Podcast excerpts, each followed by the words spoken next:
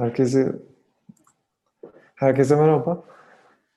Bugünkü konuğumuz Brown Üniversitesi'nde Bilgisayar Bölümü Başkanı Uğur Çetin Temel. Ee, Konuğumuzla sohbet Kon... Herkese merhaba. Bugünkü konuğumuz Brown Üniversitesi. Çok pardon.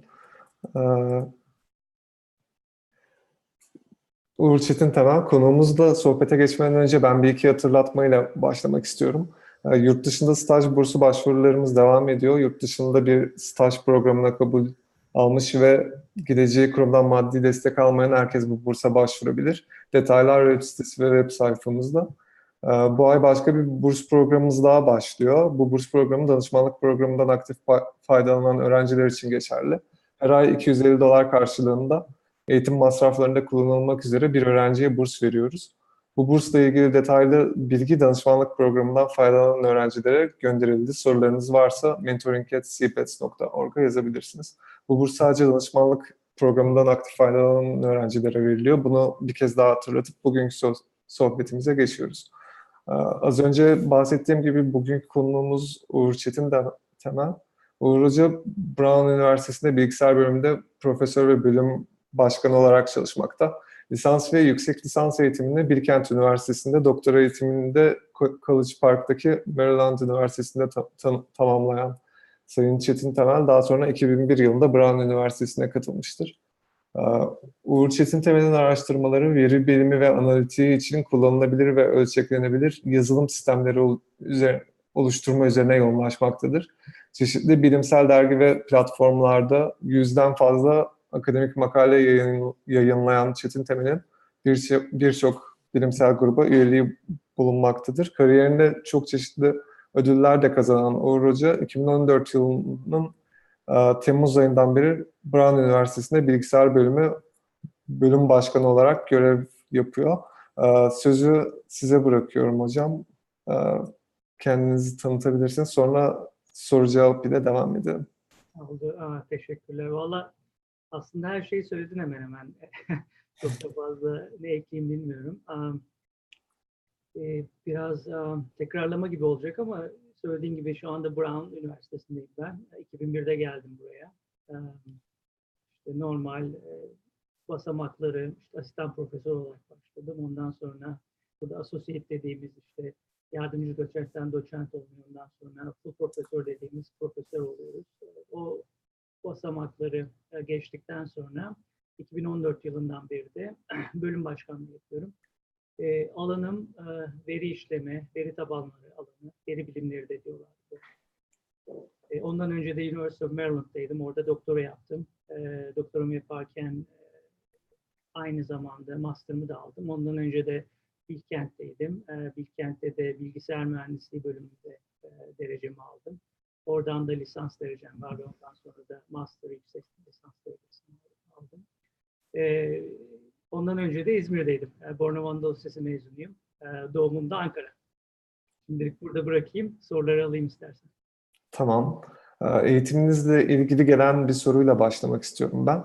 Eğitiminize Bilkent Üniversitesi'nde başlamışsınız fakat daha sonra Amerika'da devam etmişsiniz. Bilkent'te aldığınız eğitim, Maryland'da aldığınız eğitim ve şimdi de Brown'da verdiğiniz eğitimi karşılaştırabilir misiniz? Güzel bir soru. Önce Bilkent'le e, Maryland'ı karşılaştırayım. E, açıkçası çok yakındı e, Bilkent'te aldığım eğitimle Maryland'da gördüğüm eğitim. Bölüm olarak Bilkent biraz daha küçük bir bölüm. Maryland çok daha fazla hoca vardı ve çok daha fazla bilgisayar içinde e, alanlar vardı. O bakımdan ders seçenekleri olarak ve araştırma seçenekleri olarak tabii biraz daha e, e, seçenek fazlalığı vardı Maryland'da ama e, eğitim kalitesi olarak e, açıkçası bayağı yakındı birbirlerine. O açıdan hani kültür olarak olsun, e, eğitim seviyesi olsun, beklentiler olsun açık, hiçbir şekilde bir zorluk çekmedim. Çok rahat bir geçiş oldu e, benim için de. E, ondan sonra e, tabii e, Maryland'dan Brown'a gelince de e, rollerim değiştiği için hani öğrencilikten hocalığa tabii bakış açısı bayağı bir değişiyor. E, en büyük fark burada benim gördüğüm e, aslında biraz Brown, Bilkent'e daha çok benziyor. Hem e, büyüklük açısından e, hem de eğitimi verilen önem açısından. E, University of Maryland e, özel bir okul değildi tabii. Bilkent özel, Brown da özel bir okul. E, buradaki öğrenciler gerçekten kalitesi çok yüksek öğrenciler ve eğitim açısından da, dersler açısından da beklentileri çok yüksek. E, o açıdan herkes e, çok ciddi olarak e, derse önem veriyor. E, elinden gelen en iyi şekilde yapmaya çalışıyorlar. E, ama e, genel olarak kıyaslarsanız aslında bu üç üniversitede de eğitim e, çok önemli olarak görülüyor. E, hocalar e, tamamen e, kendilerini bu konularda ilerletmeye e, adamış durumdalar. E, e, çok büyük bir fark göreceğinizi zannetmiyorum. Ama yani sıralamak isterseniz herhalde ben Brown'da e, bizim e, özellikle lisans seviyesinde verdiğimiz önemi hiçbir okulda görmedim. E, o zaten Brown'un en önemli özelliklerinden bir tanesi. E, lisans eğitimine, e, sosyal bilimlere, beşeri bilimlere e, ve öğrencilere çok geniş bir perspektif vermeye e, çok önem veren bir okul. E, ama diğer iki okulda Bilkent'te, University of Maryland'da e, eğitim seviyesi gayet üst düzeyde ve e, birbirleriyle çok yakın e, eğitim seviyesi, yani alan ol- konu olarak da çok yakın.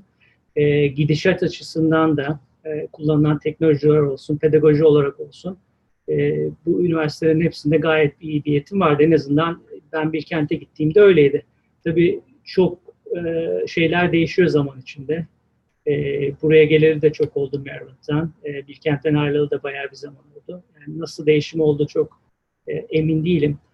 Ama en önemli gördüğüm şeylerden bir tanesi özellikle bilgisayar eğitimi için e, şu anda bayağı bir bu konularda araştırma yapılıyor. Yani eskiden biraz işte e, hocalar e, alaylı diyeyim yani e, kendi hocalarından gördükleri şekilde e, kendi işlerinden geldikleri şekilde dersi anlatıp e, işte materyali anlatmaya, öğretmeye çalışıyorlardı. Son zamanlarda bu işi gerçekten daha bilimsel olarak yapmak için bayağı bir çaba var. Elimizde bu konuda kullanabileceğimiz veri de var. Çünkü özellikle Amerika'da bilgisayar alanında çok fazla ders almaya, eğitim almaya almak isteyen çok fazla öğrenci olduğu için e, bunları destekleyecekleri çok fazla ders var. Öğrenciler bu dersleri alırken e, öğrencilerin reaksiyonları, değişik pedagojik metotlara e, bunları e, track etmek diyeyim, bunları takip etmek ve bunları daha sonra karşılaştırıp e, en optimal olan pedagojik teknolojileri, materyalin nasıl, hangi stillerde anlatabileceğini bulmak mümkün. E, Amerika'da bu yönde bayağı bir e, iş yapılıyor şu anda. E, Türkiye'de ne kadar bu konuya yönelik şeyler yapılıyor onu bilmiyorum ama dediğim gibi Amerika'da özellikle bu işi yani eğitimi daha bilimsel hale getirmek, e, pedagojinin işte artık getirdiği en önemli şeyler şu anda söylediği şeyleri e, dershaneye, ders içinde, öğretim için kullanmak e, çok önemli bir hale geldi. E, umarım Türkiye'de de bu konuda adımlar atılıyordur. Ama e, yakından takip etmediğim için pek bilemiyorum. Evet, teşekkürler hocam cevabınız için. Ee, bir izleyicimiz şey demiş, acaba ses birazcık sanırım e, white noise var, kulaklığınız var mı yanınızda? Ee, Ben, düzelecek mi? olabilir de ben seni gayet iyi duyuyorum. Acaba beni mi iyi duyamıyorlar? Galiba sizi sizinle ilgili. Şimdi daha iyi mi? Biraz daha monitörün mikrofonundan geliyor olması lazım sesin. Biraz daha iyi mi acaba? Biraz daha yüksek sesle de konuşabilirim.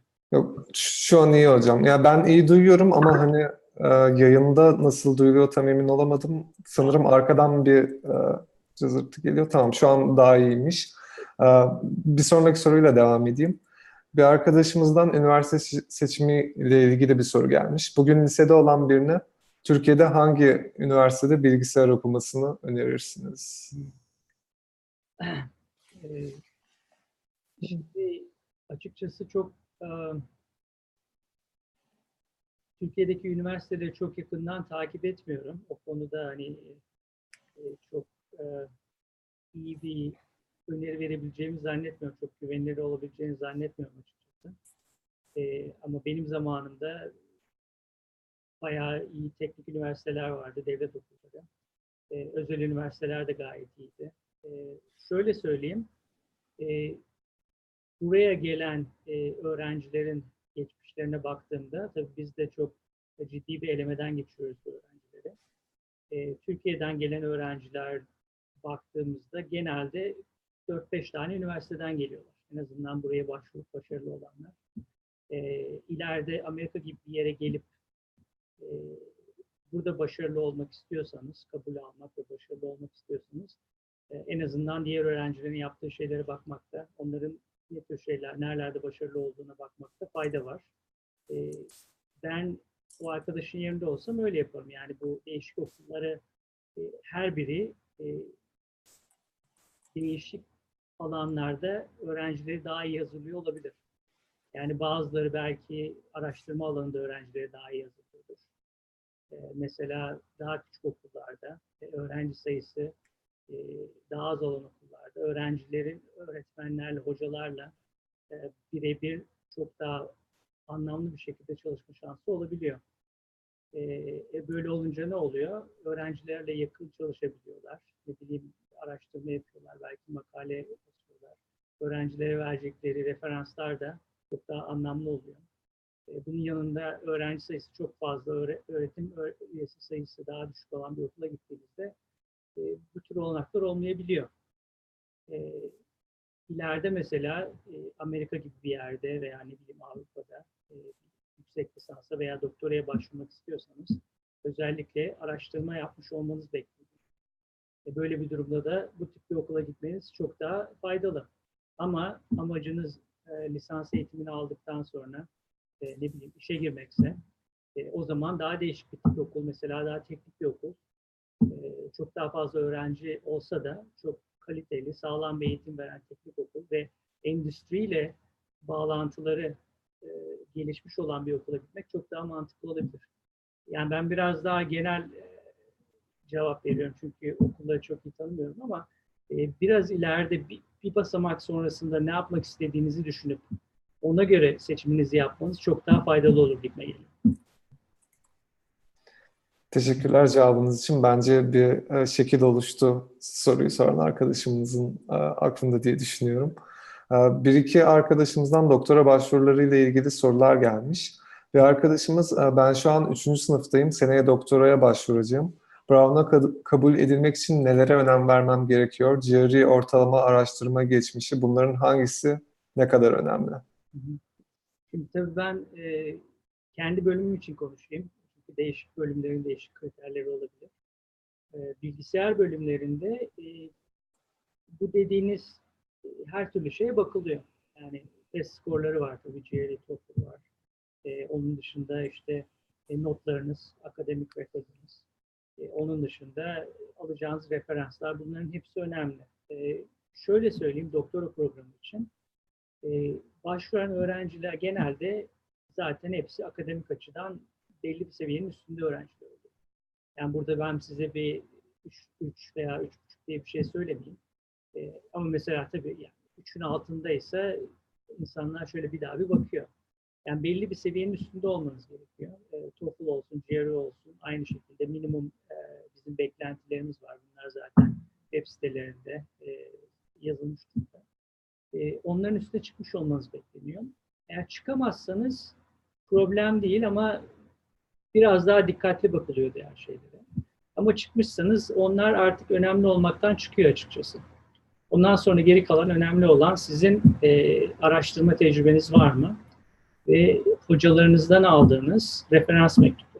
E, bunlar çok önemli olmaya. E, çünkü doktora da en önemli olan e, sizin bağımsız bir araştırmacı, bağımsız bir bilim adamı olabileceğinizi gösterebilecek bize bazı şeyleri kanıtları sunmanız, o potansiyelin kanıtlarını göstermeniz. E, bunu yapabilmenin en güzel yolu da e, araştırmayı yapmış olmak, makaleleri basmış olmak. Değil mi? E, böyle bir şey yapmışsanız çok güzel. E, onlar e, çok önemli faktörler haline geliyor. Onun yanında e, diğer hocalardan aldığınız referanslar da çok çok önemli. Onu muhakkak söyleyeyim. E, özellikle bu referanslar standart referansların ötesine çıkarsa bir değer taşıyor. Sadece bir standart referanssa çok bir değerde olmuyor açıkçası ve bunlardan bayağı sıklıkla görüyoruz. Yani E, üç tane referans geliyor. Üç tanesi de şey diyor işte bu çocuk e, çok iyi işte sınıfında ilk üçte benim dersimi aldı, A aldı, çok iyi şeyler yaptı. E, bunu zaten genelde bütün öğrenciler için görüyoruz. Zaten buraya başvurup hani kabul almayı bekleyen öğrenciler zaten hepsi belli bir seviyenin üstünde olan öğrenciler. Bunun ötesinde acaba sizin özellikle araştırma potansiyelinizle ilgili bir şey söyleyebiliyor muyum? Yani sizde ne kadar şeye girmiş, iletişime girmiş, etkileşime girmiş, sizi ne kadar yakından tanıyor ve size ne kadar kefil olabiliyor. Biraz daha böyle şahsi bir şeyler bekliyoruz açıkçası. E, yani standarttan kastım o. E, onun için e, yapacağınız şeyler dediğim gibi tabii test skorlarınız önemli. Orada iyi bir şey yapmanız lazım. Ama o minimumun üstüne çıktıktan sonra yani süper yapmanızın da çok da bir ekstra avantajı olmuyor. Orada marjinal bir belki avantajınız olur ama çok daha fark etmiyor. Onun dışında bu minimumları e, geçtikten sonra e, referanslarınıza önem verin ve onu alabilmek için de hocalarla bir şekilde işler yapmış olmanız gerekiyor. Yani sadece notlarınızın çok iyi olması yeterli olmuyor açıkçası. Buraya gelebilmek için. Evet, yani o şekilde kurup e, hocalarla e, onların sizi daha yakından tanıması ve yapabiliyorsanız da tabii belli bir araştırma e, şeyine girip orada projeler yapmaya başlayıp hele bir de makale yazabiliyorsanız avantajınız çok daha fazla artıyor. Teşekkürler cevabınız için. Ee, Brown özelinde bir soru sormuş bir arkadaşımız. Brown'da hangi alanlarda araştırma yapan öğrencilerin doktoraya kabul edilme şansı daha yüksek? Ee, dışarıdan gelen öğrencilerle dışarıdan gelen öğrencilere belirli bir kota ayrılıyor mu? Bütün pozisyonları kendi undergrad öğrencilerinin doldurması gibi bir şey oluyor mu? Hmm. Şimdi şöyle anlatayım. Birincisi sondan başlayayım. Buradaki undergradlar bazıları başvuruyor doktora programına. Ama bizim prensip olarak bakış açımız buna öğrencilerimizi undergrad yapanların başka okullara gitmesi. Biz genelde undergradları buraya kabul etmiyoruz doktora. Yani orada herhangi bir problem yok öyle bir. Onlar geliyor undergrad'dan direkt doktora programına giriyorlar, dolduruyorlar şeklinde öyle bir şey yok. Tam tersi. E, çok nadir e, durumlarda yani özel şahsi e, durumlarda öğrenci gerçekten burada kalması gerekiyorsa mesela ailesiyle ilgili bir e, durum vardır değil mi? Brown'un olduğu yerde kalmak istiyordu. Öyle durumlarda ancak e, öğrencileri kabul etme durumumuz olabiliyor. O da tabii diğer kualifikasyonların olması lazım. Ama doktora programına bakarsanız mesela bir dahaki yıl 20 öğrenci aldık. Hiçbir tanesi Brown öğrencisi değil. Ve genelde de belki 5 yılda bir veya iki tane öğrenci alıyoruz undergrad'dan. E, ikinci, bir önceki e, soruya gideyim. E, galiba hangi alanlarda çalışırsak kabul alma şansımız artıyor gibi bir soru vardı. Evet. E, şimdi onu kestirmek zor. E, burası çok e, büyük bir okul değil. E, küçükle orta e, seviye arasında bir okul. Yaklaşık 29-30 tane öğretim elemanımız var. Onun için yıldan yıla baktığımız alanlar değişiyor açıkçası. Yani hocalar bir yıl iki öğrenci almışsa belki bir dahaki yıl hiç öğrenci almak istemiyor. Onun için ona yıldan yıla bakmakta fayda var şöyle enteresan bir dinamik var bu zamanlarda. Belli alanlar zaman içinde çok daha fazla popüler oluyor. Mesela 2-3 yıl önce bu cyber security dediğimiz alanda çok popülerlik vardı. Bu data science alanlarında çok popülerlik var. Şimdi son 1-2 yıl içinde bu AI, machine learning işte yapay zeka alanları inanılmaz popüler. E, o alanlara çok fazla başvuru oluyor. E, ama o alanlarda o popülerliğin karşıtı gelecek sayıda öğretim elemanı yok. E, şimdi enteresan dinamik de oradan kaynaklanıyor. Çok öğrenci bu alanlarda çalışmak için başvuruyor. Çok fazla eğitim, e, öğretim üyesi olanlar çalışmadığı için e, o alanda başvuruyorsanız kabul alma şansınız açıkçası düşüyor. Enteresan bir şekilde. Yani her ne kadar o alanda tecrübeniz olsa da e, çok daha fazla competition olduğu için e, o öğretim elemanları öğrencileri seçerken çok daha seçici olabiliyor ve e, şansınız açıkçası biraz düşüyor. E, Diğer alanlar çok daha popüler olmadığı için daha az öğrenci başvuruyor. E, oradaki öğretim üyesi bir iki öğrenci alacaksa ve çok da fazla başvuru yoksa e, şansınız dolayısıyla artıyor. E, yani sadece şansınızı maksimum edecek şekilde planlama yapıyorsanız e, popüler olmayan alanları seçmekte e, çok açıkçası fayda var.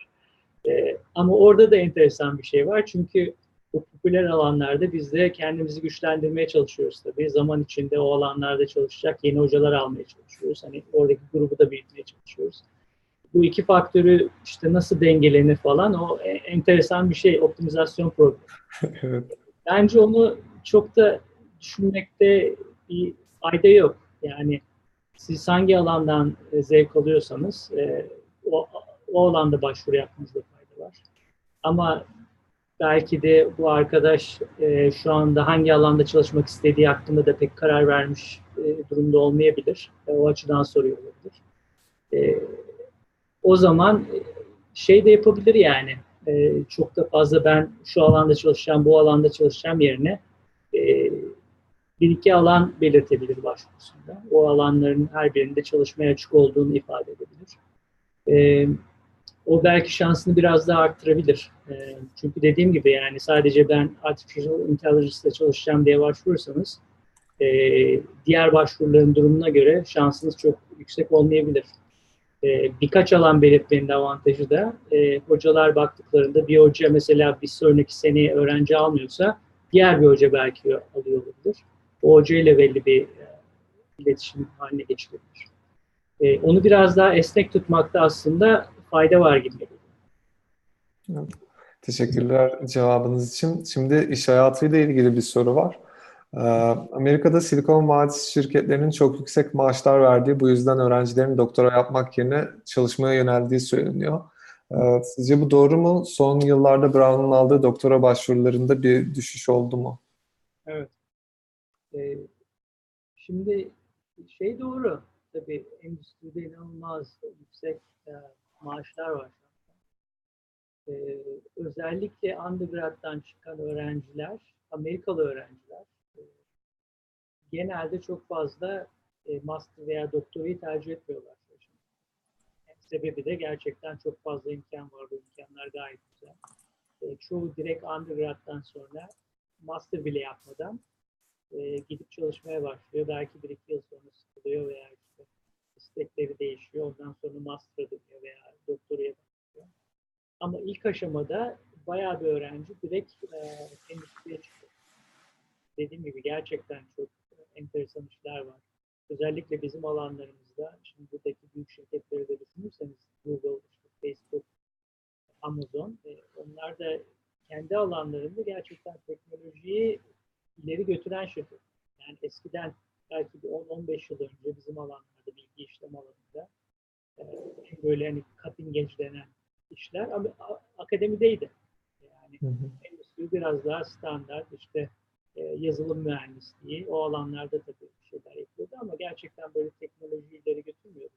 Ama şimdi şirketlere baktığımızda özellikle bu popüler alanlarda işte e, dediğim gibi e, data science olsun, artificial intelligence olsun. Bu şirketler inanılmaz yatırımlar yapıyorlar ve yaptıkları işte bayağı yakın, araştırmaya yakın. Kesinlikle yani e, o bilimin, o teknolojinin sınırlarını ileriye götürecek şekilde çalışmalar yapıyorlar. E, onun için hem bu şirketler çok böyle enteresan, e, insanları heyecanlandıracak işler yapıyor. Hem de yüksek maaşlar verebiliyorlar. E, o açıdan bayağı bir öğrenci ilk aşamada bu tür yerlere gitmeyi tercih ediyor. Ama tabii e, çok da fazla talep olduğu için bu şirketler de çok satıcı olabiliyor. Onlar da yavaş yavaş artık özellikle belli alanlarda hani lisansın üstüne çıkıp master derecesi alıyor. Hatta bu bahsettiğim alanlarda doktora derecesi de aramaya başladı. Hmm. Ama genel olarak undergrad'dan çıkınca bizde mesela %90 zannediyorum öğrenci e, direkt endüstriye gidiyor. %10'u master'a veya doktoraya başlıyor. Öyle bir öyle bir trend var. E, bir kısmı var, bir soru daha vardı galiba, bir parçası daha vardı, onu kaçırdım. Evet, son yıllarda Brown'un aldığı doktora başvurularında bir düşüş var mı? Hı. Ee, Şimdi şöyle diyeyim, e, düşüş olmadı. Hatta bu yılı söyleyeyim, bu yıl %20-30 civarında bir artış oldu. Hı. E, şimdi işin enteresan yanı e, bu başvuruların çok büyük bir kısmı uluslararası başvuru. E, orası enteresan.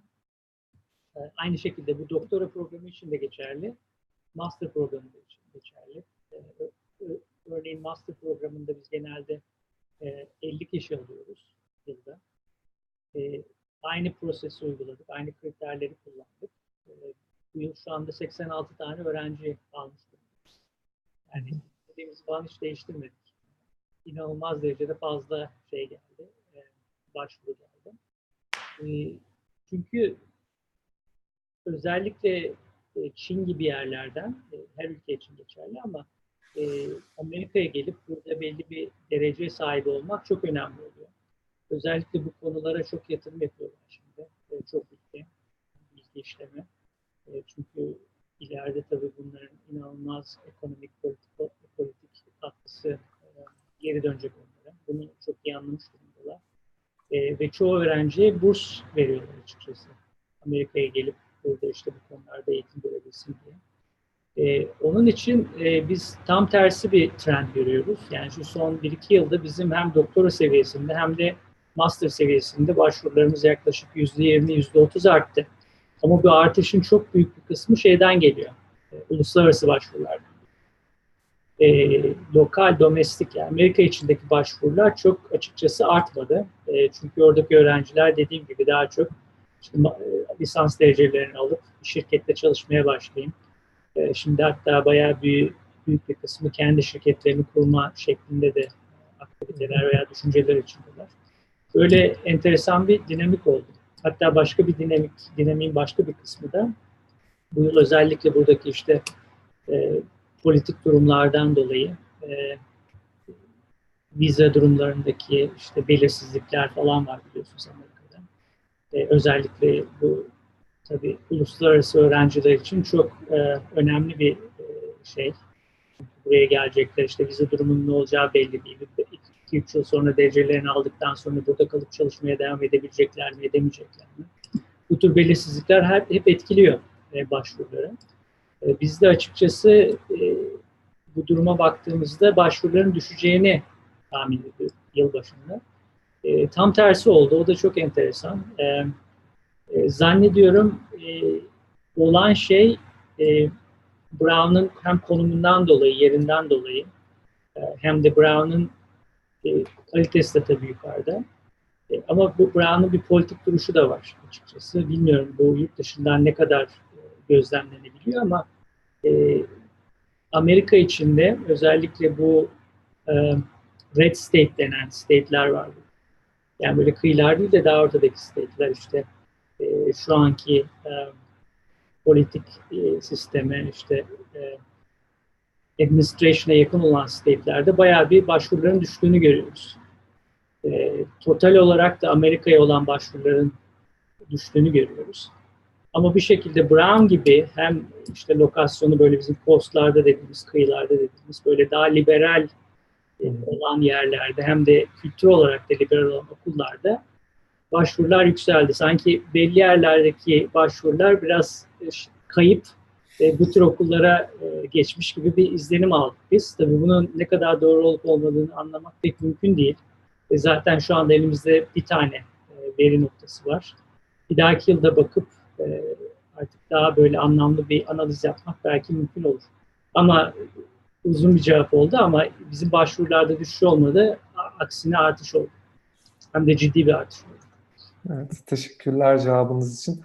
Ee, yine iş hayatıyla ilgili bir soru var. Ee, eğer amacınız özel sektörde çalışmaksa doktora yapmanın çok gerekli olmadığı, tam tersi zaman kaybı olabileceği söyleniyor. Siz bu, bu konuda ne düşünüyorsunuz? Şimdi e, özel sektörde ne tür bir iş yapmak istediğinize bağlı. E, daha standart yazılım mühendisliği türünden iş yapmak istiyorsanız e, açıkçası katılıyorum. Yani o zaman e, belki lisansınızı alıp master almanın şu an bile faydalı olduğunu düşünüyorum.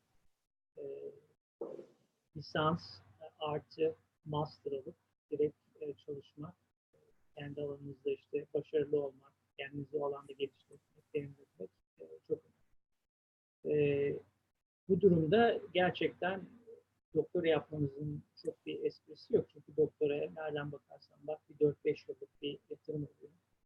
E, ve doktora yaptıktan sonra dönüp e, software engineering yapacaksan gerçekten çok da bir anlamı yok. O 4-5 yıl içinde çok daha fazla tecrübe kazanabilirsin. E, ama dediğim gibi biraz daha böyle araştırmaya yönelik yazılım yapmak istiyorsan, araştırmanın içinde kalmak istiyorsan, işte bu bahsetmiştim şimdi bu işte kendi kendini kullanan arabalardan tutun, işte e, bu cyber security, yani bu bahsettiğimiz bütün konularda şimdi şirketler e, gerçekten şey yapıyor, çok ciddi bir şekilde hem araştırma yapıyorlar hem geliştirme yapıyorlar. E, Bu şirketlerde bu tür pozisyonlarda alabilmek istiyorsanız o zaman doktora yapmanız hala gerekli. Çünkü bu tür temel bilgileri e, ve research'ı ileriye götürebilecek bilgileri çalışarak kazanmak, iş hayatında kazanmak biraz zor. O temelleri işte doktora yaparken kazanmak, hatta yeni bir şeyler sizin ortaya çıkarmanız. E, onun ötesinde de yaptıktan sonra bunları bir şirketlerde yaptığınız konularda devam etmeniz e, çok daha mantıklı bir geliyor. Yine daha önceki verdiğim cevap gibi biraz yani ileride ne yapmak istediğinizi bilmeniz lazım. Bir iki e, basamak ötesine bakıyor olmanız lazım. E, onda, oraya karar verebiliyorsanız ondan sonra doktora yapıp yapmamak aslında e, otomatik olarak ortaya çıkan bir şey. Çok fazla düşünmeye de gerek kalmıyor. Evet. Ee, yine başvurularla ve alan seçimiyle ilgili bir iki soru var.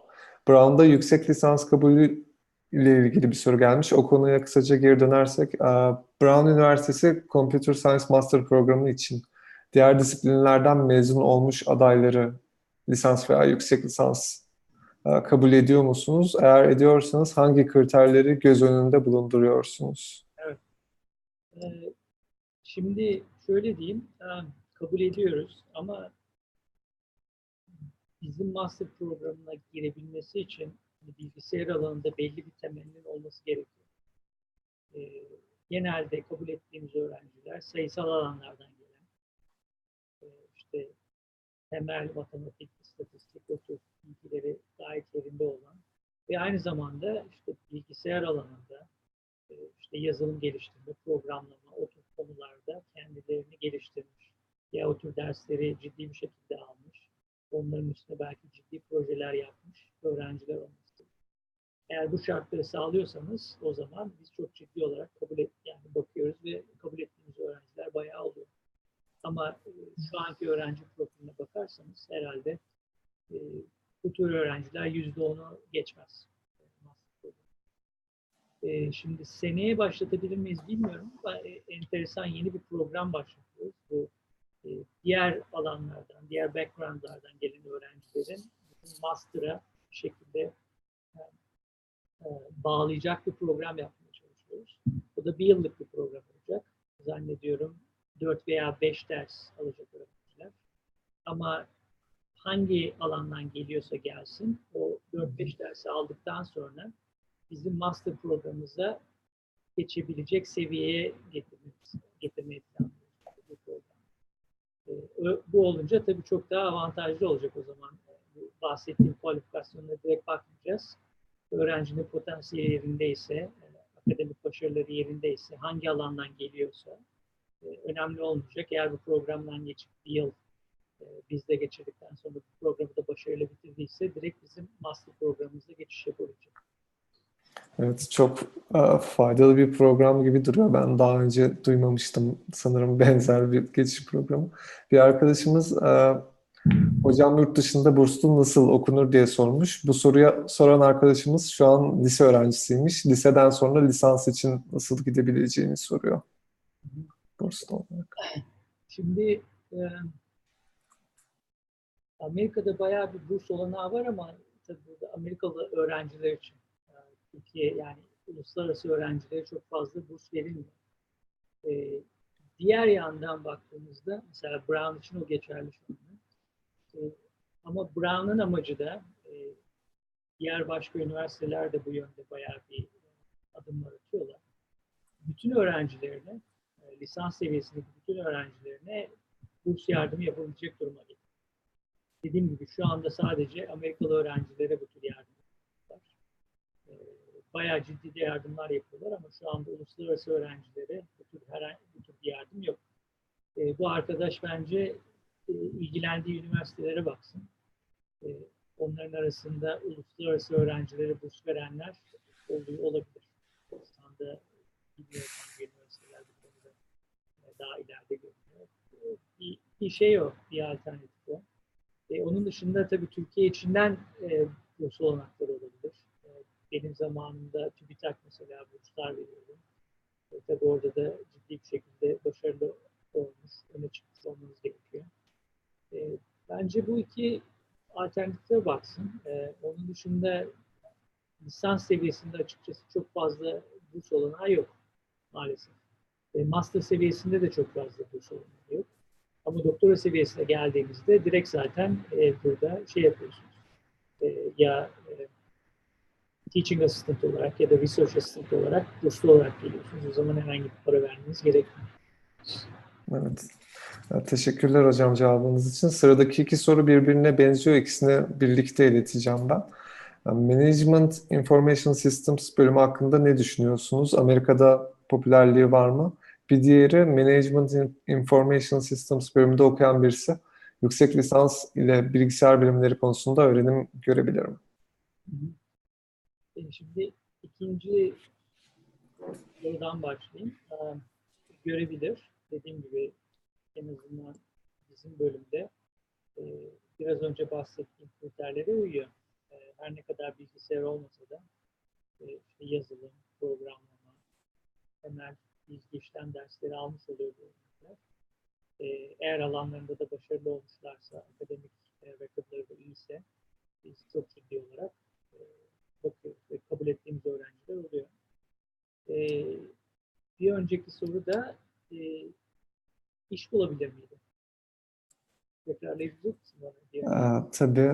Bir önceki soru bölüm hakkında ne düşünüyorsunuz? Amerika'da popülerliği var mı? Şimdi şöyle söyleyeyim. Amerika'da popülerliği var.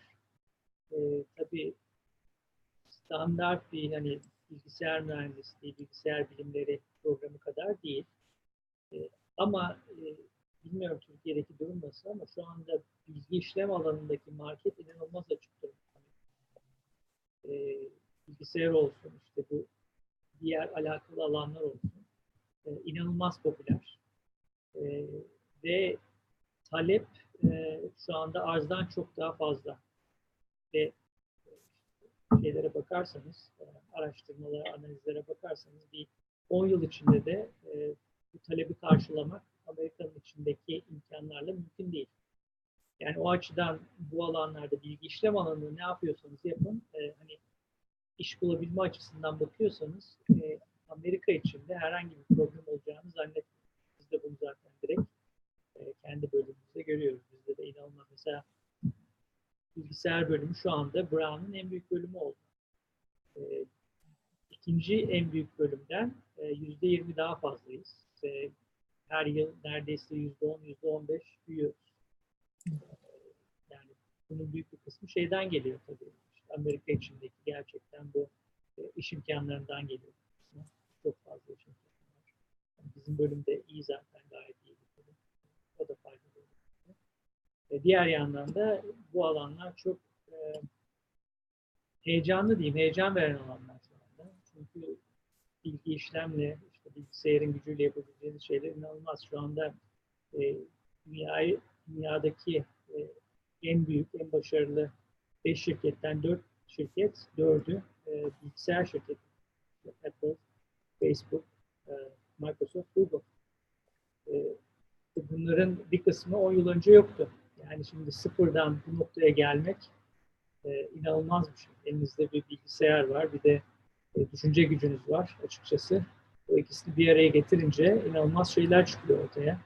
E, ve dünyadaki en, tür, en, en kompleks, en zor problemlere çözüm bulabiliyorsunuz. e, yeni sektörler yaratabiliyorsunuz. İşte insanlar bunun ne kadar güçlü bir teknoloji olduğunu anlamış durumda. O açıdan çok büyük bir yatırım yapılıyor. Amerika içinde de değil. E, dediğim gibi diğer bir sürü ülkede bu alanda çok yatırımlar yapıyor. Ve iş olanakları çok fazla ve bunun önümüzdeki 10 yıl içinde değişeceğini de zannetmiyorum. Onun için bu alanlarda hangi program olursa olsun e, çok cazip iş imkanları olacağını e, ben düşünüyorum. Evet, teşekkürler cevabınız için. Hocam rica etsem mikrofona biraz yaklaşabilir misiniz? Tabii. Underground, bir sonraki soruya geçiyorum. Underground öğrencileri için yaz araştırma stajyeri kabul ediyor musunuz? Brown'da akademik staj yapma imkanımız var mıdır diye sormuş. Evet. Ee, tabii kabul ediyoruz. Ben e, bunun örnekleri de var. Ee, ben daha önce Türkiye'den bayağı, ben Bilkent'ten olduğum için Bilkent'te çalıştığım hocalar, benim hocalarımı oradan tanıyorum. Onlara genelde işte bahar döneminde e, mail atıp iyi bir öğrenciniz varsa e, işte son sınıfa geçecek olan e, hatta ondan sonra özellikle doktoraya başvurmayı düşünen öğrencileriniz varsa e, yazın buraya gelip benimle çalışabilirlerse çok sevinirim. İşte temasa geçelim diye mesaj çok atmışlığım vardır. E, işte bu bir örnek yani bu şeyler mümkün. Ben bayağı bir öğrenci de getirdim. Bu tür yaz programları. Ben getirdim dediğim hem yazın geldiler çalıştılar. E, bir kısmı geldi doktoraya başvurdu. Hatta bu şekilde bir öğrenci, doktor öğrencisi aldım ben önce gelip yazı burada geçirdi. İşte birlikte araştırma research yaptık. Tabii birbirimizi daha yakından tanıdık. O burayı sevdi, ben onu sevdim. Ondan sonra doktoraya başvurdu. Sonra benim doktor öğrencim oldu. Ee, bir kısım öğrenciler geldiler, işte çalıştılar. Ondan sonra e, gayet iyi geçti ama doktora düşünmüyorlardı. Şirketlere başvurdular Amerika'da. Ben referans mektubu yazdım. E, söylediğin çok e, makul. E, bunun örnekleri de var. Onun için e, bu tür bir şey yapmak isteyen öğrenciler işte hangi konularda yapmak istediklerini düşünsünler. E, bir şekilde tanıdık bulmak bu konularda önemli oluyor. Tabii ki öğrencinin kendi tanıdığı olması mümkün değil ama hocalarına sorarlarsa ve onların yurt dışında muhakkak tanıdığı, kendi alanlarında çalışan e, hocalar olacaktır. Veya bizim gibi mezunlar e, o, o tür olanakları, imkanları kullansınlar mı? Evet. Teşekkürler. Bir arkadaşımız Türkiye'de bilgisayar mühendisliği okurken hocaların yetersizliğinden dolayı çok fazla donanım dersi görüyoruz. Çoğu da eski moda dersler. Yurt dışında computer science doktorası yaparken sorun çeker miyiz demiş bu eğitimden dolayı. Ben zannetmiyorum Türkiye'de. Yani Türkiye'deki eğitim ben kendi zamanımı biliyorum sadece ama yani gerçekten özellikle üst seviyedeki üniversitelerdeki eğitim yeterliydi.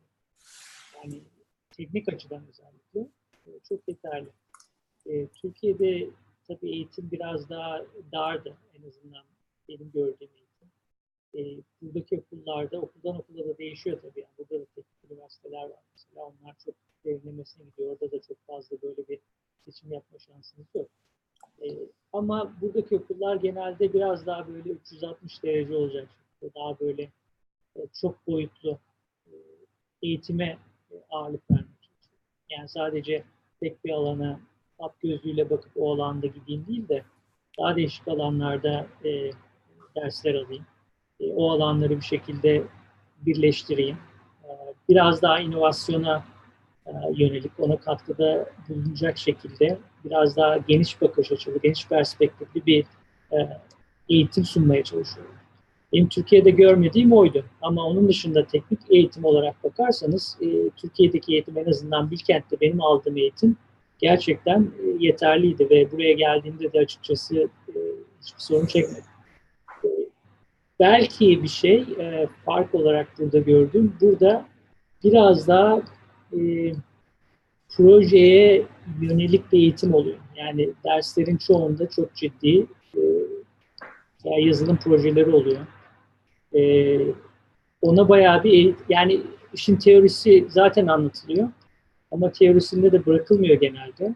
Onun yanında o teoriyi bir şekilde pratiğe uygulanacak olanaklar sağlanıyor. E, aslında o da çok önemli bir şey. Ama soruya tekrar geri geldiğimde Türkiye'de aldığınız teknik eğitim e, burada size e, kesinlikle şey yapmayacak yani engel olmayacak burada başarılarınıza. Benim görüşüm bu. Ama şeyi soruyor anladığım kadarıyla. Türkiye'de kendi hangi okuldan geldiğini bilmiyorum, hangi bölümden geldiğini bilmiyorum ama orada biraz daha donanım ağırlıklı şeyler okunuyormuş. Şimdi buraya gelince biraz daha enformasyon ağırlıklı, biraz daha yazılım ağırlıklı e, bir ders e, curriculum'un içine girdiğinde acaba zorluk çeker mi? E belki ilk başta biraz çeker. E, çünkü hani buradaki derslerin de çünkü prerequisite'leri oluyor. Onları belki almadığı için temel temelde be, belli eksiklikleri e, vardır. Ama onları da kısa zamanda kapatacağını düşünüyorum. Çok problem olmaz. Evet. Bu arada e, ben şey eklemek istiyorum. Bu tabii arkadaşımızın hani biz soruyu iletiyoruz. Arkadaşımızın yorumu bu şekilde hocalarla ilgili. E, sizinle ilgili bir iki soruyla devam etmek istiyorum. Yabancı ülkede biraz e, kalan bazı kimselerin Türkçesi bozulurken sizin Türkçeniz çok güzel demiş. Bunu nasıl başardınız, nasıl düzgün kaldı diye sormuş arkadaşım. Vallahi sağ olsun ben öyle düşünmüyorum. Açıkçası şimdi düşünürken e, burada ne konuşacağım diye özellikle teknik e, terimler günlük yaşantıda direkt İngilizce kullandığım için e, açıkçası kafamda soru işaretleri vardı. Acaba şimdi teknik terimleri kullanırken şimdi Türkçe'ye çevirmek için düşüneyim mi yoksa direkt İngilizceyi mi kullanayım yoksa böyle karıştıracağım biraz ortaya karışık bir şeyler çıkacak böyle falan açıkçası endişelerim vardı. E, teşekkür ediyorum. Valla e, açıkçası o biraz şeyden kaynaklanıyor. İki, iki faktör var gibime geliyor. Bir, bir faktör e, ben buraya geldiğimde e, yaşım bayağı vardı. Ben doktoraya geldim. E, kaç yaşında? İşte 25-26 yaşında. Bu da var mı? 96'da geldim. E tabii 24 yaşındaymışım işte. E, eğer bir 15 yaşında gelseydim çok daha farklı olurdu zannediyorum. Çünkü o zaman hani aksanın değişmesi falan çok daha e, e, çok daha olası oluyor. Belli bir yaştan sonra bu aksanın değişmesi falan açıkçası biraz zor. E, benim gözlemlerim bu en azından. E, ikincisi de e, işte ben evliyim. E, eşim de Türk. E, eşim de aslında Bilkent mezundur. O da bilgisayar bölümünden mezun. E, e tabii eşiniz de Türk olunca e, evde de devamlı Türkçe konuşuluyor. E, tabii biraz karıştırıyoruz İngilizce Türkçeyi ama şimdi kızım da var benim. O da burada doğdu. İşte onun aksanı mesela Amerikan aksanı. Tabii burada doğup büyüdüğü için. Ama evde genelde böyle Türkçe, İngilizce böyle karışık şeyler yapıyoruz. Ama e, en azından hani Türkçeyi kaybetmemeye çalışıyoruz. Çok önemli. E, etrafta Türk arkadaşlar da var zaten. Yani Türkçeyi devamlı pratik e, etme olanağı var. Türkiye'ye de her yıl bir kere dönmeye çalışıyoruz. En azından bir iki hafta geçirmeye çalışıyoruz. E, onun için çok şey olmadı yani. Zor olmadı. Yani. Bir arkadaşımız yaptığımız çalışmalarla ilgili bir soru sormuş. Yaptığınız çalışmalardan biraz daha bahsedebilir misiniz? Veri biliminin hangi dalında nasıl çalışmalar yürütüyorsunuz? Tabii. Ee, şimdi benim yaptığım çalışmalar genelde bizim biraz daha pratik e, systems e, diye tabir ettiğimiz e, belli problemleri çözmek için e, insanların işte verilerini depolama, e, işleme e, için kullanabilecekleri e, yazılım platformları oluşturduk. E, öyle diyeyim. E, yani daha böyle matematiksel veya teori tarafında değil de daha pratik e, tarafında e, benim yaptığım şeyler. E, örnek verecek olursak e, şöyle diyeyim en son yaptığım şu anda hatta aktif olarak çalıştığım bir şeyden bahsedeyim, çalışmadan bahsedeyim. E, işte bu veri tabanları sistemleri var çok yaygın olarak. İşte SQL diye bir dil vardır. İşte bilgisayar öğrencileri e, database veri tabanı dersi aldıysa bilir bunu. Bu işte data, veri tabanlarının anladığı bir e, teknik dil. E, şu anda bizim gördüğümüz en büyük şey herkesin elinde çok fazla bilgi var, veri var ve bunu kullanmak istiyor. E, bu bilgiyi kullanarak bunu analiz edip belli bazı şeyleri öğrenmek istiyor. E, ama bunu yapacak herkesin teknik bilgisi yok. E, çoğu kimse programlama bilmiyor mesela. e, programlama bilenler belki SQL bilmiyor veya bu veri tabanını nasıl kullanacaklarını bilmiyorlar. E, bu alanda yaptığımız şey bizim biraz e, bu tür sistemleri daha kullanışlı, daha e, kullanıcı dostu hale getirmek. Öyle diyeyim ben. Ne yapıyoruz mesela? İşte şu anda aktif olarak yaptığım bir proje. E, nasıl mesela Google'ı kullanmak için herhangi bir teknik bilgi gerekmiyor. E, gidiyorsunuz orada kelime yazıyorsunuz. Hatta tam bir cümle kullanmanıza bile gerek kalmadan birkaç kelime yazıyorsunuz, atıyorsunuz. Size cevap geliyor değil mi? Aynı modeli acaba biz veri tabanlarını sorgulamak için kullanabilir miyiz? Problemini çözmeye çalışıyorum ben. E, orada da nasıl bir şey? Elinizde e, normal İngilizce yazdığınız bir soru oluyor. O soruyu veri tabanıyla cevaplamak istiyorsunuz. E, şu anda yaptığımda o soruyu alıp otomatik olarak SQL'a ben çevirebiliyor muyum? İşte bunu yapmak için de işte, e, machine learning, deep learning teknikleri kullanıyoruz şu anda. Yani bunun aslında İngilizceden Türkçe'ye veya işte İngilizceden Fransızca'ya çevirmekle çok bir farkı yok. E, işte dil çevrimi problemine dönüyor. Tabii kendine has bazı nüanslar var orada dikkat etmemiz gereken. Ama yaptığımız bu işte bu tür teknikleri araştırıyoruz. Acaba bu çeviriyi nasıl doğru olarak e, yapabilirim? Bu çeviriyi yaptıktan sonra SQL elime aldıktan sonra onu işte data veri tabanına yollayıp orada şey yapıp e, sorgulamayı yapıp e, cevabı alıp ondan sonra belki bir e, görsel bir şekilde ekrana koyuyoruz. Ve bundan sonra da e, kullanıcının bu prosesi devam ettirmesini istiyoruz. Yani işte chatbot denen şeyler var. Bu biraz da e, sohbet ağırlıklı AI sistemleri var. E, bizim yapmak istediğimiz şu anda e, size böyle bir AI, öyle bir AI sistem verelim ki o sizinle birlikte elinizdeki datayı analiz etmenize, onun üzerinde işte e, kafanızdaki sorular neyse, kafanızdaki cevaplamak istediğiniz hipotezler neyse onları ya onları cevaplamakta yardımcı olabilecek bir şekilde e, hem, hem işte artificial intelligence kullanan böyle akıllı bir asistan yapmaya çalışıyoruz. Bu bahsettiğim projede onun bir parçası. Bu yaptığım projelerden bir tanesi. Örnek olarak. Daha böyle uygulama ağırlıklı yaptığım projeler de var. Ee, onlar da mesela buradaki e, hastanelerle çalışıyoruz. E, Rhode Island Hospital var burada. Orada radyoloji bölümünde e, hocalar var. E, orada yapmak istedikleri e, kaza oluyor mesela. Örnek olarak vereyim senaryo. E, 4-5 tane maalesef insanı getiriyorlar. İşte bunlar beyin travması falan geçirmişler. Ellerinde sadece birer birer alabilecek olanaklar var. Yani hepsini aynı anda operasyona alamıyorlar. E, onun için bunları sıralamaları gerekiyor. E, bu sıralamaları yaparken de belli bazı kriterler kullanmaları lazım. E, şu anda yapmak istedikleri de bunların beyin skenlerini alıp ilk aşamada hızlıca ondan sonra bu predictive algoritm dediğimiz machine learning algoritmaları kullanarak bu beyin skenlerine bakarak bu mesela bir saat içinde, iki saat içinde, dört saat içinde bu hastaların durumları ne kadar kötüye gidecek şeklinde bir e, tahmin yapmaya çalışıyorlar. Bu tahmini yaparken de yine işte bu machine learning algoritmalarını falan kullanmak istiyorlar. Bu tahmine göre de karar veriyorlar. İşte bu hastayı hemen almamız lazım yoksa bunun durumu çok kötü olacak. Şu hastayı biraz daha sonra alabiliriz. Çünkü onun durumu kötü o kadar kötü olmayacak şeklinde bu sıralama için kullanıyorlar. Burada triage deniyor. Onlara yardımcı ediyoruz. İşte bunu bu prosesi e, hızlı bir şekilde hem de doktorların kullanabileceği şekilde nasıl yapabilir? Bunları destekleyebilecek yazılım platformlarını nasıl geliştirebiliriz? Hangi machine learning algoritmaları burada Bu tür problem. Teşekkürler cevabınız için. Bu, bu hafta ilk defa bir şey deneyeceğiz. Sorusu olan bir arkadaşımız var. Yayına bağlayacağız kendisine. Hem sizden hem izleyicilerden şimdiden sürçülisan edersek özür dileriz. Ercan'ı ben şimdi e, yayına alıyorum.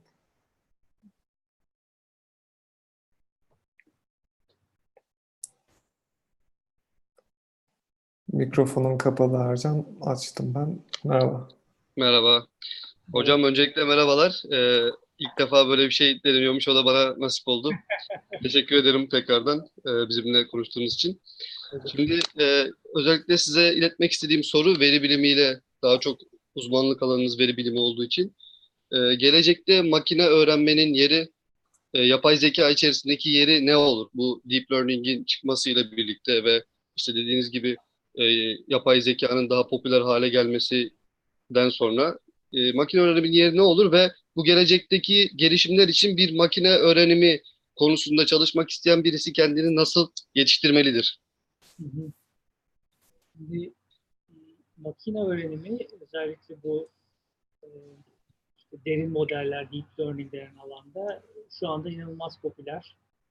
E, ve gerçekten e, e, çok büyük bir sıçrama yaptı. Özellikle belli bazı e, problemlerde. E, işte bu e, kendi kendini kullanan arabalar mesela onun en önemli örneklerinden bir tanesi. E, bu yani machine learning gidici değil açıkçası kalıcı. E, Deep learning modelleri de e, çok başarılı şu anda. Dediğim gibi e, alternatif modellerin çok daha e, üstüne geçti. Çok daha iyi şeyler yapabiliyor. E, onun için bunlar kalıcı ama tabii yeni modeller çıkacak. İnsanlar bunun üzerinde çok çalışıyorlar ve gerçekten e, inanılmaz yatırım oluyor. Yani bunu birkaç kere söyledim daha önce ama e, yani bu konuya yapılan yatırımlar sonsuz diyeyim neredeyse. Yani tabii muhakkak sonu var bunun ama diğer alanlarda yapılan yatırımların çok çok üstünde şu anda. Tabii bunun bir kısmı biraz abartılı durumda. E, o da var. Yani bu tür problemlerle neleri çözebileceğiz, neleri çözemeyeceğiz. E, insanlar yavaş yavaş e, biraz daha e, e, mantıklı olarak bakmaya başlayacaklar. Biraz daha beklentilerini e, kalibre edecekler. O zaman içinde olacak. E, ama bunlar çok temel teknikler e, ve belli alanlarda çok başarılı oldular. E, özellikle bu teknikler ne kadar çok elinizde veri varsa o kadar çok iyi çalışan teknikler.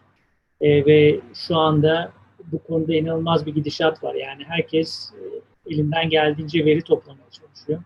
Tabii bu verilerin kalitesi de çok önemli. Çünkü veriye baktığınızda büyük bir kısmı da e, sinyal değil. Yani e, aradan o sinyali bulmak da çok önemli. Ama bu teknikler burada. Dediğim gibi insanlar bunun üzerine gidiyorlar ve gerçekten hani pratikte kullanılabilecek sistemler ortaya çıkarmaya başladılar. E, onun için bu alanlarda e, kendinize yatırım yapmanız bence çok önemli. E, ve çünkü genel olarak da zaten bu tür tekniklerin e, çok değişik problem alanlarına uygulanması yavaş yavaş ortaya çıkmaya başladı. Yani sadece bu işte computer vision, yani sadece e, resimlere bakıp onları analiz edelim veya işte e, dil e, dilden dile işte geçiş yapalım, onları tercüme edelim şeklinde değil. Hemen hemen aklınıza gelebilecek bütün problemlerde bir machine learning'i kullanma şansı yavaş yavaş ortaya çıkmaya başlıyor. Ee, onun için bu bilgisayar bilimlerinin çok temel bir parçası haline geldi. Ee, onun için ne yaparsanız yapın muhakkak bu konularda kendinizi geliştirin. Yani bu çok önemli bir yatırım. Ee, diğer alanları ihmal edin şeklinde değil ama bu alan gerçekten yani ihmal edilebilecek bir alan değil şu anda. Çünkü gerçekten potansiyeli çok fazla. Ee, bu alanda da çok iş olanağı da var. Yani her açıdan bakarsanız, ne açıdan bakarsanız bakın çok önemli bir alan.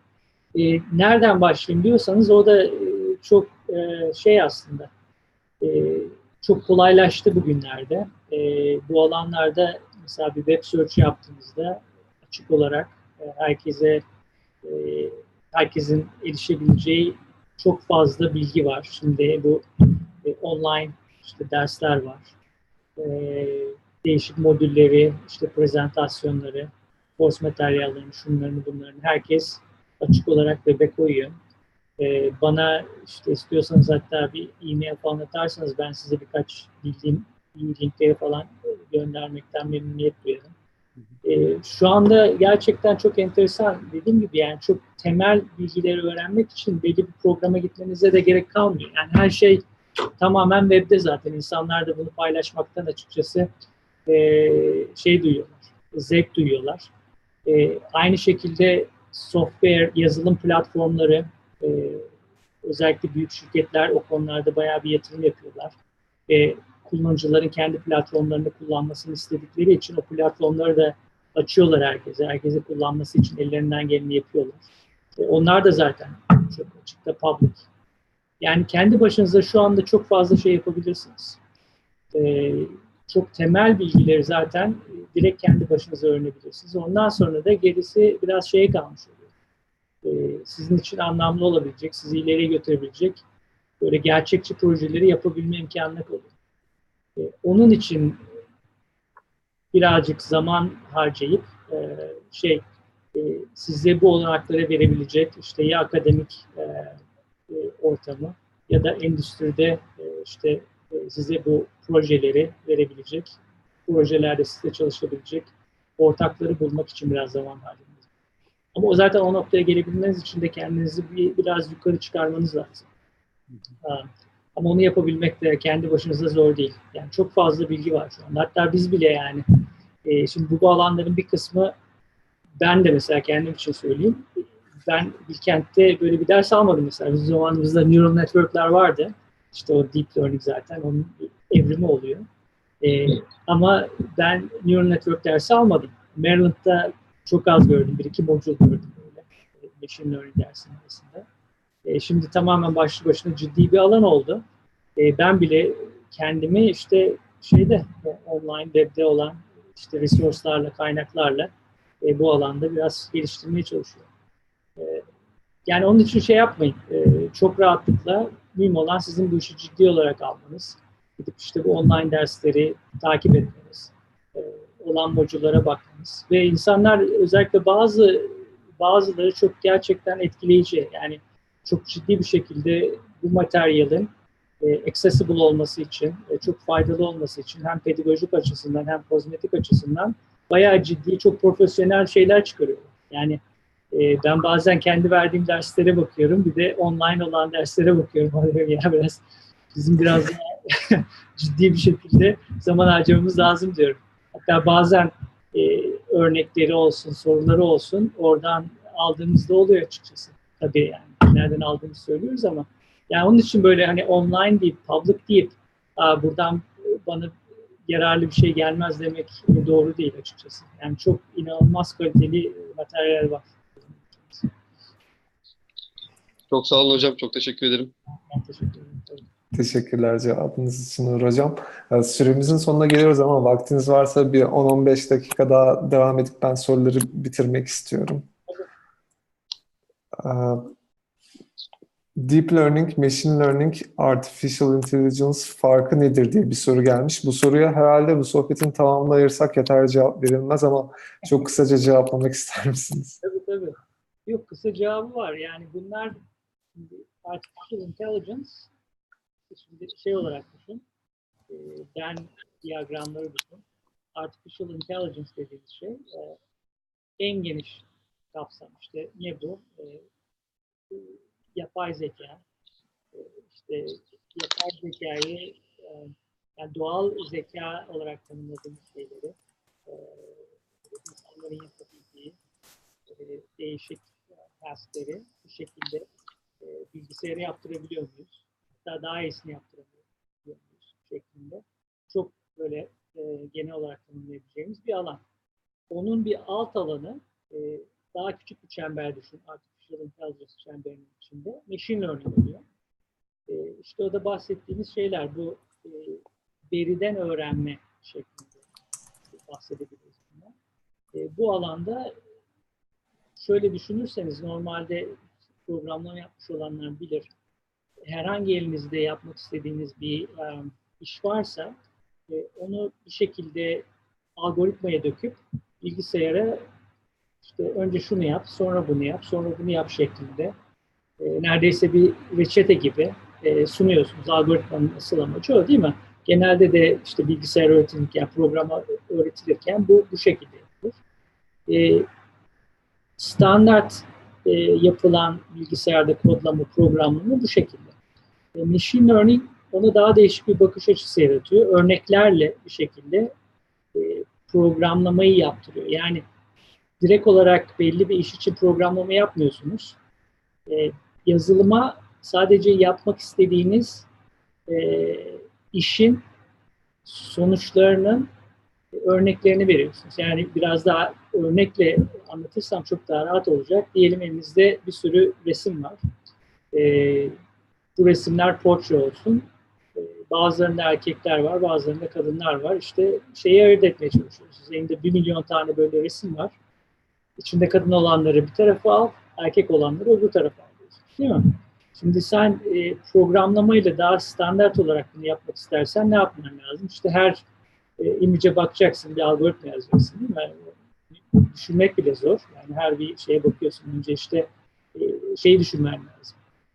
Erkeklerle kadınları ben nasıl ayırabilirim diye düşünmen lazım. Değil mi? Ne bileyim belki kafanda kurallar olacak. Diyeceksin ki ya saçı belki şu kadardan uzunsa o kadındır diyebilirsin değil mi? O da her zaman çalışmaz tabii. Yani ne bileyim işte kaşları kalınsa erkektir, bıyığı varsa erkektir falan filan. Bu tür kuralları koyup bir program yazabilirsin belki. Standart yol budur. Ama machine learning yaptığı şey yok. Böyle bir program yapmana bu olayı tamamen senin algoritmaya dökmene gerek yok diyor. Diyor ki sen bana örnekler ver diyor. Bu yapmak istediğin sonuçlarla ilgili. Yani örnekte ne oluyor? Bir milyon tane mesela senin elinde bunu yapmak istediğin şey var, resim var. Sen bunun mesela 200 tanesini kenara ayırıyorsun. Kendin işte kadın resimleri, erkek resimleri diye etiketliyorsun onu. Ondan sonra bu enformasyonu algoritmaya, machine learning algoritmasına veriyorsun. O bu algoritmadan bir genelleme çıkarıyor. Kendisi otomatik olarak resimleri analiz ediyor. Kadın resimlerine bakıyor. Oradan bir patern çıkarmaya çalışıyor. Erkek resimlerine bakıyor. Bu şekilde patern çıkarıyor. Ondan sonra da o paternleri uygulayacak şekilde getiriyor.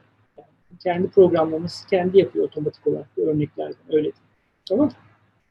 Ondan sonra da ona görmediğin resimleri verdiğinde o patternları uyguluyor resimleri. Aa diyor ben bu pattern'ı daha önce gördüm. Neymiş bu? Kadın pattern'ı veya erkek pattern'ı. Ona göre e, geri kalan resimleri şey yapıyor. Ayırıyor senin için. Machine Learning dediğim gibi bu AI'nin içinde e, bir alt kategorisi. Deep Learning de Machine Learning içinde bir alt kategori. Onda daha küçük, en küçük bir şey, çember olarak düşün. O da Machine Learning içinde. E, o da bir bir Machine Learning tekniği. Öyle anlatayım. E, işte son zamanlarda çok popüler oldu. E, işte beynin çalışmasını modelliyormuş şeklinde öyle bir e, yerden geldiği anlatılıyor. İşte bu zaten ilk aşamada insanlardan 15-20 yıl önce konuşurken neural network e, şeklinde konuşuyorlar. Şimdi işte deep learning. E, onun nüansları var. Şimdi oraya girmeyeyim ama e, dediğim gibi yani AI en kapsamlı kategori. Onun altında machine learning var. Metin machine learning algoritmalarının bir sub kategorisi de şey oluyor. Deep learning. Teşekkürler cevabınız için. Ee, bir arkadaşımız gerçek anlamda yapay zeka şu anda somut olarak ortaya çıktı mı?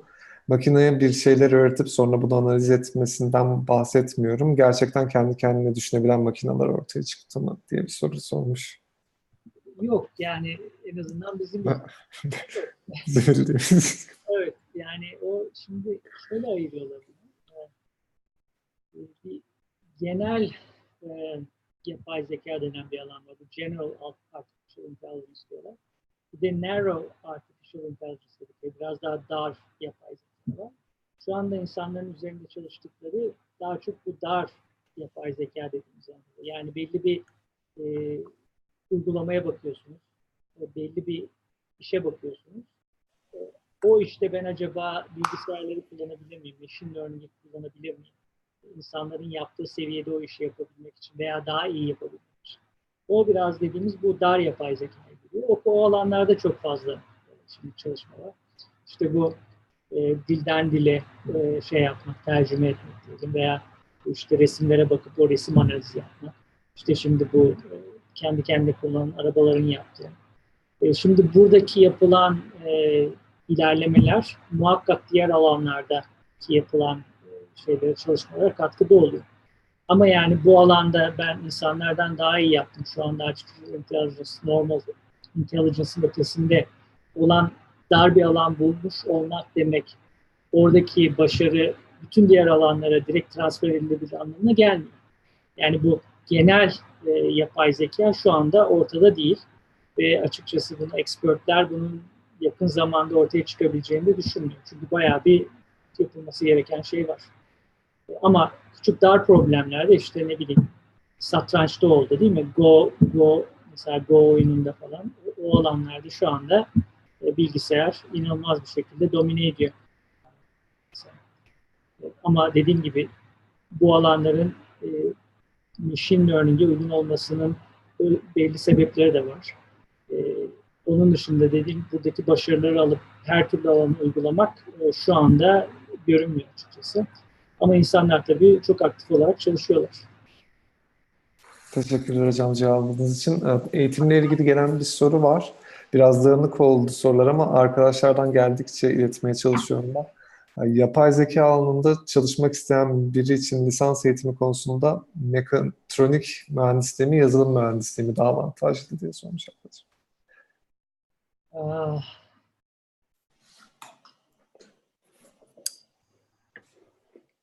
Vallahi yani şimdi ikisi de tabii faydalı ama ben belki biraz da tabii yani enformasyon e, alanının içinde olduğum için e, enformasyon çok daha önü açık potansiyeli olan bir alan gibi geliyor. Genel olarak öyle. Hani iş talebi olarak da zannediyorum, hacim olarak bu alanlarda çok daha fazla iş imkanı olacak. Ve bu alan zannediyorum e, enformasyon tarafından baktığımda e, buradaki edinilen bilgilerin diğer alanlara aktarımı da daha kolay olacak. İleride burada edineceğin bilgileri başka bir alana geçiş yapmak istersen çok daha rahatlıkla kullanabilirsin. Yani bunun birkaç e, değişik perspektifi var kullanabileceğim. E, benim tahminim o. E, çünkü dediğim gibi yani bu enformasyon alanı, enformasyon e, burada alınan bilgiler e, platformdan bağımsız olarak e, çok değişik sistemlere uygulanabilir. E, zaten artificial intelligence'da da bütün amacı o. Düşünürseniz yani ne oluyor? İşte beynimiz var bizim. E, beynimizin fizyolojisi var. Orada belli prosesler dönüyor bir şekilde. E, düşünüyoruz işte kararlar veriyoruz falan. Ama o kullandığımız beynin fizyolojisinin bağımsız olarak ve aynı prosesi veya sonucu aynı olacak şekilde o prosesi bir şekilde ben alıp e, bilgisayarın içinde simüle edebilir miyim? Yani bu informasyonun yani bir şekilde bu informasyon, informasyon işletiminin e, substrate derler. Yani alttaki fizyolojiden bağımsız olarak e, ifade edilebilmesi, yapılabilmesi haline geliyor. Yani onun için e, enformasyon alanında ben genel olarak baktığımda çok daha fazla potansiyel görüyorum. E, ama diğer alanda da gerçekten çok önemli işler var şu anda. Özellikle bu robotics, robot, e, robotics dediğimiz alanlarda inanılmaz fazla şimdi e, açıklık var. E, herhalde en avantajlı yapılabilecek şey bu iki alanı birleştirmek olacak. Çünkü e, otomasyon e, inanılmaz e, şu anda popüler. Herkes her şeyi otomate etmeye çalışıyor. İşte bunda iki tane şey var. Zaten hani information alanında, software alanında otomasyon zaten şu anda ortaya çıktı.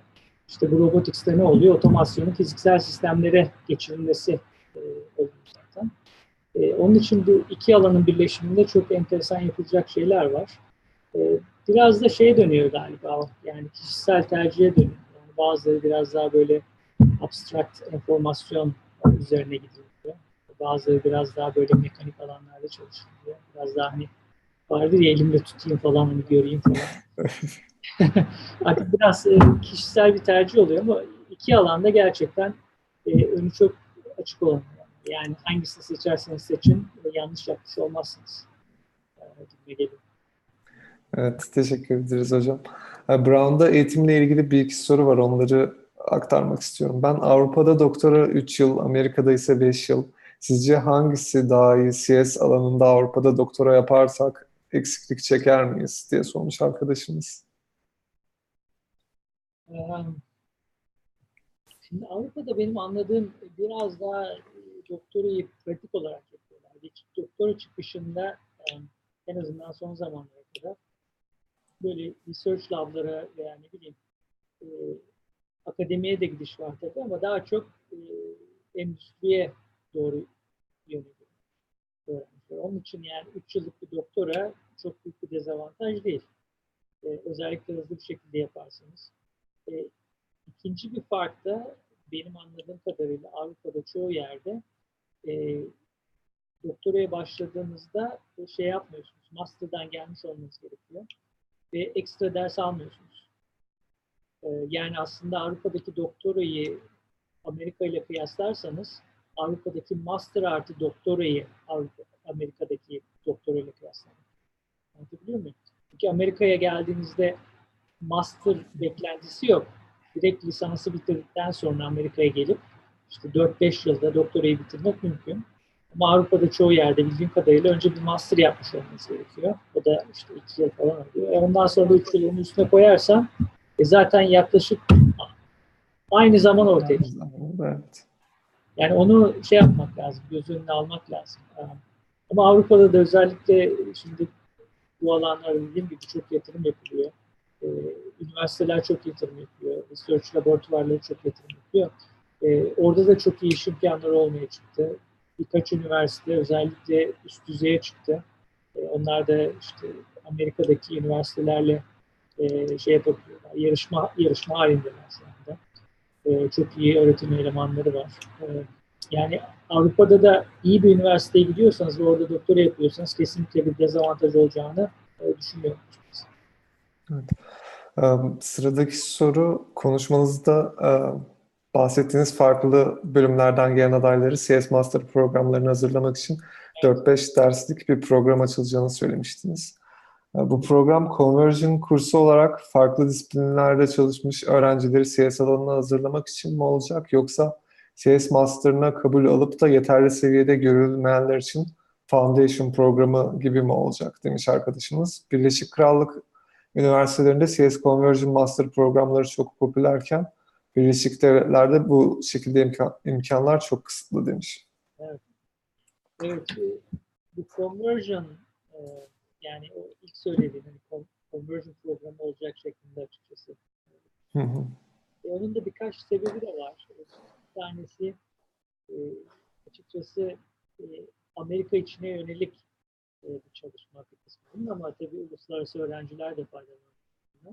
Özellikle Amerika içinde şu anda bahsettiğim bu bizim alanlarda bilgisayar alanlarında çok fazla iş açığı var. E, bu kapanacak gibi görünmüyor.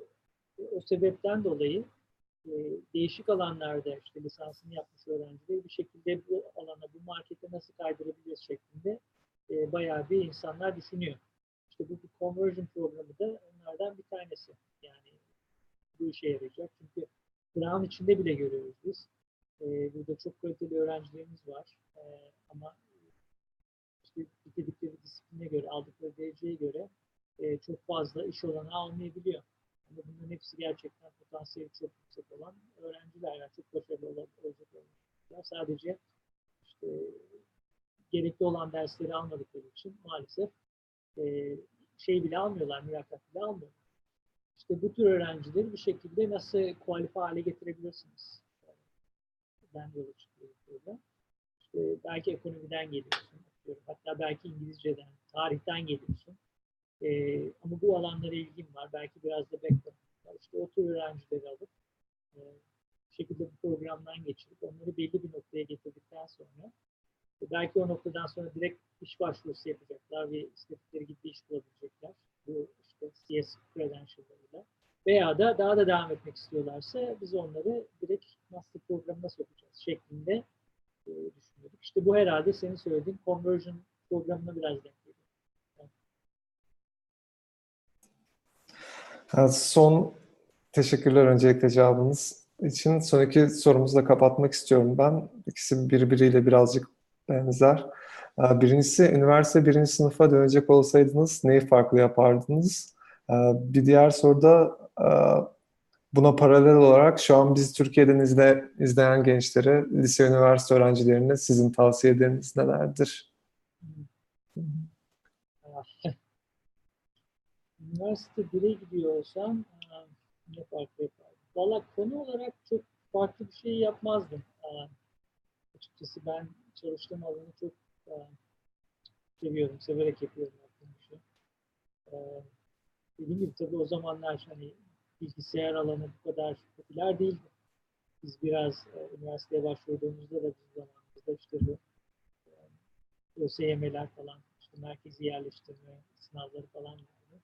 O zaman biraz da böyle e, standart olarak skorları en yukarıdan başlıyorduk. İşte en, en yüksek alan bölümler hangisi? İşte elektrik, elektronik, bilgisayar falan.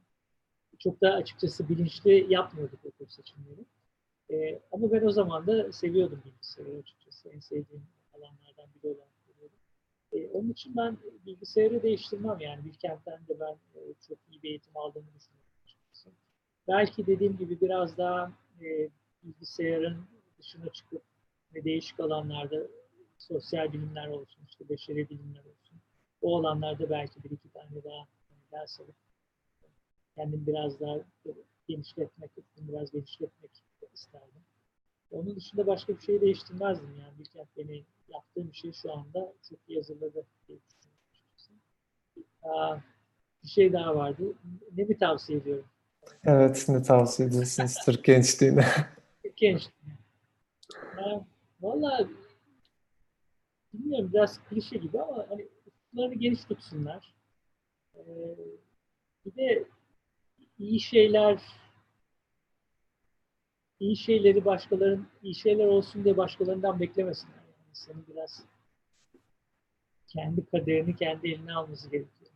Yani bir şey yapmak istiyorsanız, bir şey size zevk veriyorsa onun için biraz efor sarf, sarf etmek gerekiyor. Yani hep e, başkaları değişsin veya işte benim önüme olanaklar gelsin de bakalım şeklinde değil de biraz daha işte kendim yapmak istediğim, kendim başarılı olabileceği şeyleri düşünüp e, ondan sonra adımlar atmak.